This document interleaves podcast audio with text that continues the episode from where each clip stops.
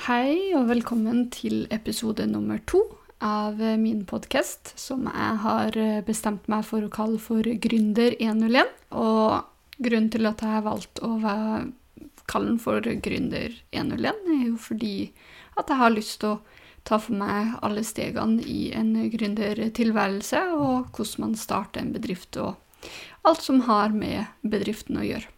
Eh, I dag så hadde jeg tenkt å snakke litt om eh, det å velge et eh, aksjeselskap versus det å velge et enkeltmannsforetak. Og så har jeg tenkt å inkludere litt sånn personlige erfaringer i det her. Og da starta jeg egentlig med mine egne opplevelser. Når jeg starta min bedrift, så valgte jeg å gå for et enkeltmannsforetak. Og det er det, ut ifra andre podkaster jeg har hørt, veldig mange kvinnfolk som gjør. Fordi at de føler at det er sikkert. Og at de kanskje ikke har selvtillit nok til å starte et uh, aksjeselskap.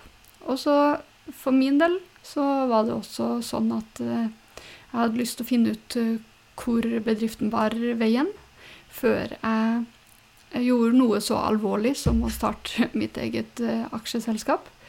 Og så undersøkte jeg jo alltid oppi det her og fant ut at ok, hvis jeg starter med et enkeltmannsforetak, så kan jeg jo gå over til et aksjeselskap etterpå. Og da trodde jeg jo egentlig at man kunne gjøre, sende inn sånne omgjørelsespapirer og sånne ting eh, som gjorde prosessen kjempeenkel, men eh, sånn var det jo ikke, da, fant jeg ut. Men det kommer vi tilbake til. Så jeg starta jo da et enkeltmannsforetak, og hvis man starter et enkeltmannsforetak, så må man jo sende inn papirer på det her på Brønnøysundregistrene. Da må man eh, sende inn navn. Den er jo ganske streng. Da må man ha etternavnet sitt i det enkeltmannsforetaket. Så man kan kalle det for eh, Jacobsen Studio, f.eks.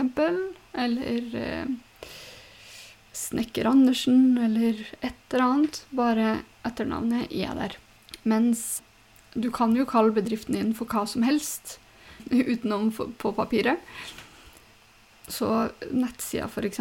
heter jo Exuma, selv om det er Stefferud Helle som står på faktura og sånn. For det er det som er viktig. Alt skal signeres med Stefferud Helle, i så fall. Hos meg. Så er det jo sånn at det er jo også ikke like alvorlig, følte jeg da, å starte et eh, enkeltmannsforetak. Det kosta meg ikke så særlig masse. Jeg måtte ikke betale store gebyrer til eh, staten eh, for å starte et enkeltmannsforetak. Det er ganske, ganske billig. Mens jeg syns at et, å starte et aksjeselskap var mye dyrere. Og når jeg starta et aksjeselskap, så gjorde jeg nok ikke gode nok undersøkelser på hva det faktisk kosta. Jeg trodde rett og slett at det kosta 30 000 å starte et aksjeselskap. Og det gjør det jo på en måte. Man må jo sette av de 30 000 på en egen konto, og man må ha de 30 000 for å kunne starte et aksjeselskap. Men staten får ikke de 30 000.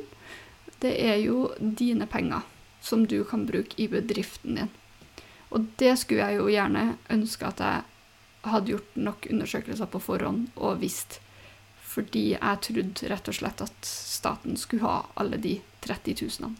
Og det tror jeg nok det kanskje forhåpentligvis er andre som tror også. Og da er det jo sånn at når du setter av de 30 000 på en egen konto, så er det jo en regning som skal inn til Brønnøysundregistrene for å for å behandle saken din. Og da er den på Nå skal vi se, jeg fikk nettopp faktisk en faktura på det. Når du betaler eller mottar en faktura, så mottar du den fra Brønnøysundregistrene, og den er på 5570 kroner. Så det er egentlig ikke så særlig masse man tenker på det. Og man trekker jo det fra de 30 000 man setter av til sin egen bedrift, fordi det her er jo en utgift som går i bedriften. Og så er det jo sånn at eh, de 30 000 minus 5570, dem får jo du bruk på andre utgifter som du har i bedriften.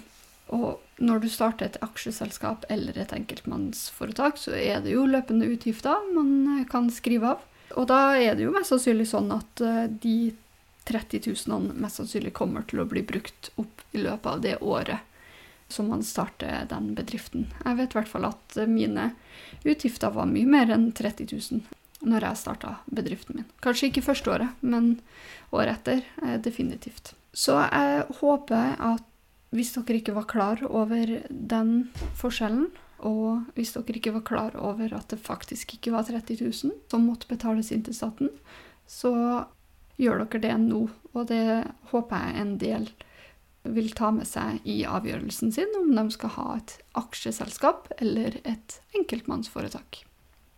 Det er jo også andre ting man eh, må ta hensyn til eh, når man starter et aksjeselskap versus et enkeltmannsforetak. I et enkeltmannsforetak så er du jo personlig økonomisk ansvarlig hvis det er noe som skjer i bedriften din. Tar du opp lån f.eks. For i forbindelse med bedriften, og ikke greier å betale lånet, så er det jo du økonomisk det går utover. Og det kan jo i verste fall også gå utover partneren din eller din ektefelle. For hvis dere er gift og f.eks.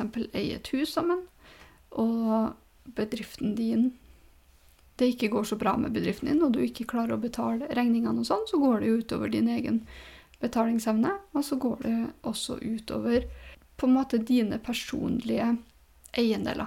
Så hvis du ikke klarer å betale alle regningene og det du skylder, så kan i verste fall banken ta huset ditt. Eller kreditorene kan ta huset ditt. Eller tvinge deg til å selge huset ditt. Og det går jo da i så fall også utover din ektefelle. Mens i et uh, aksjeselskap så er det du som person og bedriften totalt adskilt. Sånn at hvis du går konkurs med bedriften din, et AS, og du skylder skylder veldig masse penger, så er fremdeles huset ditt redda. De kan ikke kreve at du skal selge huset ditt for å betale kreditorene eller de eh, folkene du skylder penger. Og på den måten så er også din samboer eller ektefelle også unntatt det her. Og man trenger liksom ikke å blande business and pleasure Eh, på den måten. Men um, for min del så var jo ikke det så særlig stor risiko, det jeg gjorde. Så derfor så tenkte jo ikke jeg så særlig masse på det. Men de som eier butikker eller en restaurant eller en kafé eller noe sånt, der anbefaler jeg jo å starte et aksjeselskap med en gang. Jeg anbefaler jo uansett å starte et aksjeselskap, men i hvert fall de som har en del risiko, de burde i hvert fall ta og starte et aksjeselskap. Og så er det jo enkelte som sier at alle bedrifter er jo en risiko. Så der må man sjøl vurdere hvor stor risiko bedriften på en måte har, da. Og så er det jo en annen ting folk lurer på, og det er jo det der med Eller tenker over, da. Det folk tenker over også når de skal vurdere om de har et aksjeselskap eller et enkeltmannsforetak, det er jo her, eh, det punktet om regnskapsfører eller revisor. For det er jo veldig mange som tenker at med en gang de har et aksjeselskap, så må de ha en regnskapsfører eller en revisor, men det trenger man strengt tatt ikke. Akkurat nå så finnes det veldig mange andre muligheter man kan bruke, hvor man kan føre regnskapet sjøl og levere inn regnskapet på slutten av året osv., osv., altså i mai. Og man trenger ikke å ha en person som gjør det her for deg. Det er veldig greit å ha noen som gjør det her for, for seg. Da frigjør man jo mer tid til det man kan best, og slippe å håndtere regninger og småtteri her og der. Da sender man det jo bare videre til regnskapsføreren, og så fører de det inn. I tillegg så har regnskapsføreren veldig mye kunnskap og erfaring som de kan dele videre med deg som bedrift, og kan komme med innspill på ting du kan legge inn i f.eks. budsjettet eller i regnskapet, som gjør til at du har en bedre profitt eh, av Eller en avkastning eh, i din bedrift. Og så tenker de jo alltid eh, langsiktig, sånn at eh, bedriften din er lønnsom på lengre sikt. Så en annen ting man må tenke over eh, når man skal vurdere om man skal ha en regnskapsfører eller en revisor, så er, det liksom inntekta di. Fordi hvis du har en driftsinntekt på over 6 millioner, så er, faktisk, er, du faktisk pliktig til å ha en revisor. Men hvis man eh, har en driftsinntekt som er mindre enn 6 millioner, så kan man velge det bort. Så det er en ting som er lurt å vite. Eh, så om man skal ha en regnskapsfører eller skal bruke et regnskapsprogram, det er jo opp til deg. Men eh, Fiken har jo f.eks. et eh, godt regnskapsprogram for små og mellomstore bedrifter. Og de har også ulike moduler man kan kjøpe for å fylle ut regnskapet sitt på slutten av bedrifts, en bedriftsår. Og den kan man allerede begynne å fylle ut i januar hvis man vil. Man trenger ikke å vente til mai med å fylle ut den. Eh, den koster jo selvfølgelig litt penger. Jeg tror den koster rundt 1300 eller 1600. Eh, men eh, nå har jeg kjøpt denne modulen hos Fiken før, når jeg hadde et enkeltmannsforetak. Og jeg vil si at den er så absolutt verdt det. det. Det er de beste pengene jeg bruker på det. Da slipper jeg å sulle med det her inn på altinn.no. Det er jo andre ting som er obligatorisk når man har et aksjeselskap også. Man har jo et krav om at man skal ha jevnlige styremøter og ha en generalforsamling. Men hvis det er du som eier aksjeselskapet for deg sjøl, så er det jo deg sjøl du har styremøte med, og det er deg sjøl du har generalforsamling med. Mens eh, når du har et enkeltmannsforetak, så slipper du unna alt det her. Det, det trenger du ikke da. Så det er jo én ting som er større, et, en større forskjell.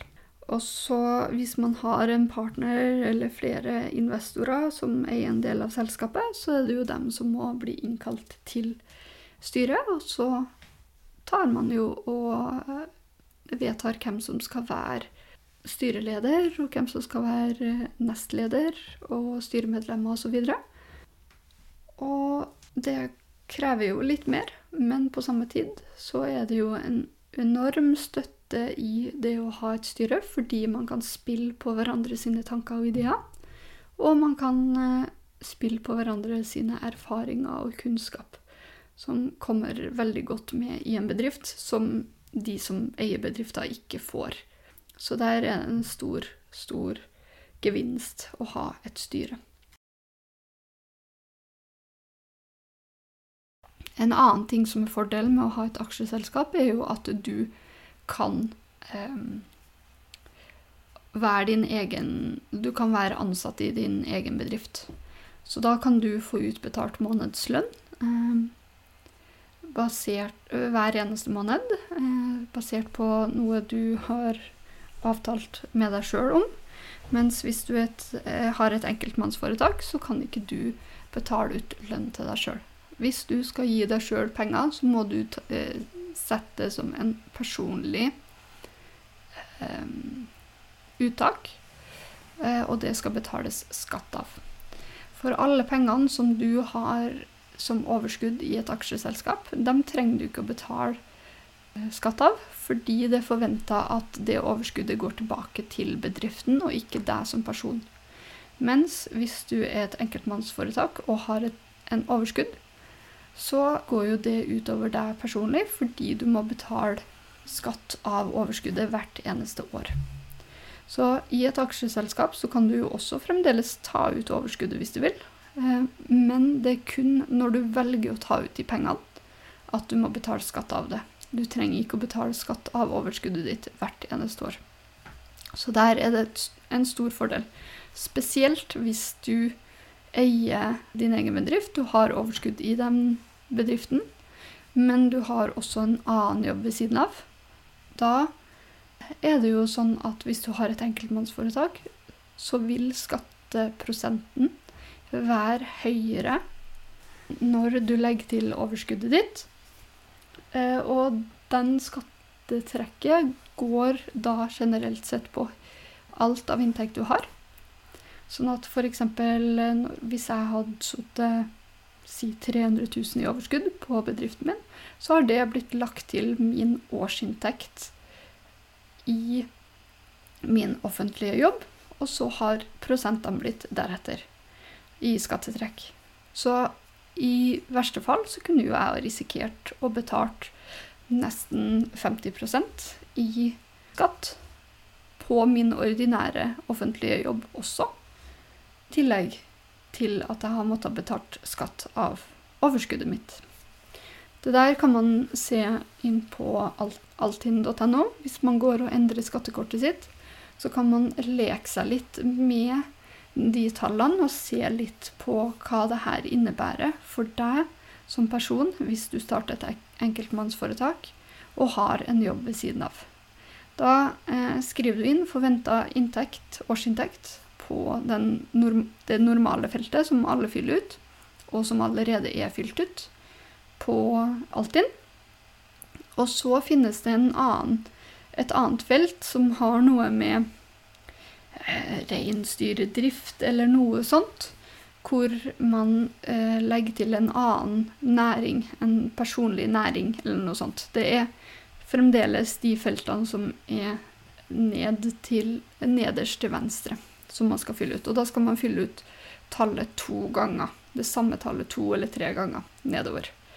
Så hvis du prøver å leke deg litt med de tallene der, og legger til f.eks. 100 000 eller 150 000 eller 500 000 i overskudd, så eh, kan du jo se hvor mye skatte, skatteprosenten din endrer seg med. Og det anbefaler jeg å gjøre før man starter et enkeltmannsforetak for å se om det faktisk er mer hensiktsmessig å starte et aksjeselskap og bli ansatt i sin egen bedrift der. En annen ting som er fordelen med et aksjeselskap, er jo at det er veldig fleksibelt, og man kan skalere bedriften ut ifra sine egne mål og ambisjoner. Eh, I et enkeltmannsforetak så er det du som eier enkeltmannsforetaket alene, mens i et aksjeselskap så er det flere som kan eie aksjeselskapet og være deleiere. Og så kan man også skaffe seg investorer, og man kan ta til og med og selge bedriften. Det er ikke enkelt å selge et eh, enkeltmannsforetak, og det er også veldig, veldig vanskelig. Da må man i så fall eh, gå over til et AS da, etter hvis man skal selge og overdra det.